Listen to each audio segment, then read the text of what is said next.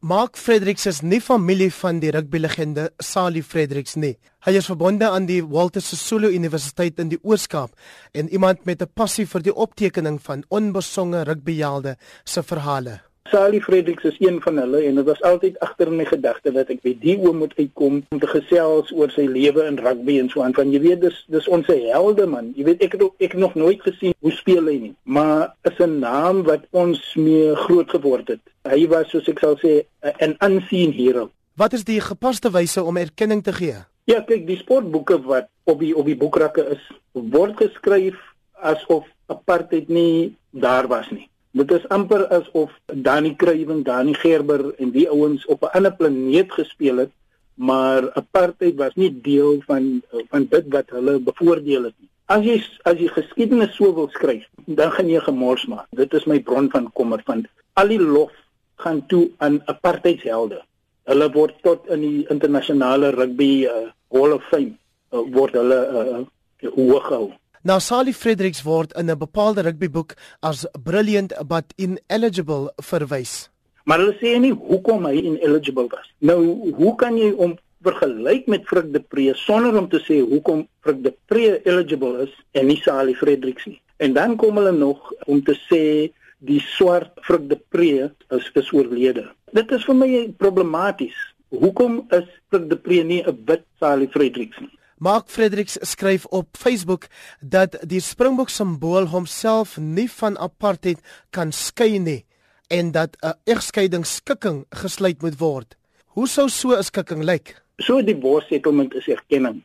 Is erkenning dat daar 'n uh, apartheid era was in sport. Ek meen soos byvoorbeeld Danny Gerber. Hy is nie net 'n Springbok nie. Hy's 'n apartheid Springbok. Net so ongelukkig is Errol Tobias. Heelwat is reeds gedoen, maar daar is altyd ruimte vir meer, sê Tobias wat sy debuut vir die Springbokke in 1980 gemaak het. Die verhaal is opgeteken in sy 2015 outobiografie Suiwer Goud. En ek ek weet nie self of die hoop is dat dit tyd maar alles moet uitwis nie, maar dit sou nie die regverdige pad wees om te stap nie. Die beter opsie is om met oorlewende legendes self te praat, reken hy. 'n Ander kwessie wat Tobias aanroer is hoe talle in die bruin gemeenskap gedurende apartheid die Nieu-Seelandse All Blacks ondersteun het eerder as die Springbokke. Hulle wou net nie homself met met enige iets wat wat 'n 'n 'n wit skepping was nie om dit so uit te druk. Maar is daar nog enige regverdiging vir plaaslike rugby ondersteuners om vandag vir die All Blacks te skree? Nee, as jy kyk na die die Suid-Afrikaanse landskap hoe dit ingekleer is met spelers van kleur as jy kyk na die magdom van talent van kleur wat deurkom So die sluise begin nou oop te gaan. Ek dink ons begin 'n momentum kry uh, met regverdigheid en die eenwording van van rugby.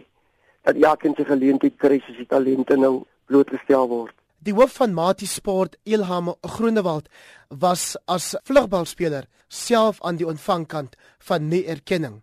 Terwyl sy met Frederik saamstem dat nie voldoende erkenning aan swart sportlegendes gegee word nie, meen sy swart sportmense en administrateurs het self 'n bepalende rol te speel. Ek sê nie daar was nie moeite gedoen deur mense om dit te doen nie, maar ons moet 'n inklusiewe manier vind.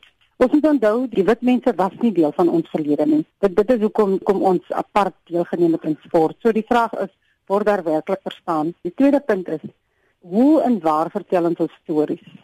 Ek wonder hoeveel van ons het regtig al ons dokumente, al ons foto's, al ons audio uh, recording gehou oor jare uh, in sulke goed. Want as ons nie daai storie kan vertel, waar 'n mens kan die diepte daarvan optel, dan is dit 'n gebroke storie as ek dit so kan kan noem. So dit begin by ons. Ek wil nie na die ander kant toe kyk nie. Die derde punt wat ek wat ek wil maak is dat as leierskap ons begin besef dis iets wat ons nie kan begrawe nie. So gegee wat ek in die eerste punt gesê het dat die storie kom op, jy weet wanneer iemand heen gaan of wanneer daar nog gepraat word oor transformasie. So dalk moet ons hierdie gesprek vat by die minister van sport se kantoor. Die doel van so 'n vergadering, sê Groenewald, moenie wees om vinger te wys nie, maar eerder om 'n oplossing te vind. Ons het nie nou tyd om vinger te wys en klip te gooi nie. Ons moet om die tafel sit en besluit hoe besmoontlik vat ons hier vorentoe. Jy het nou verwys na Ankel Sali se storie. Die bietjie wat ek weet is dat hy was 'n Here in sy in sy eie unieke manier gewees. Maar ons vertel nie die storie nie, Heinrich. Ons vertel nie die storie vir ons eie swart kinders nie. Ons vertel nie die storie vir ons eie bruin kinders ons Indian kinders en so aan nie. Dit is wat ons nie doen nie. So kom ons begin by onsself voordat ons 'n klip gooi na die ander kant toe en sê julle doen nie dit nie, julle doen nie dat nie.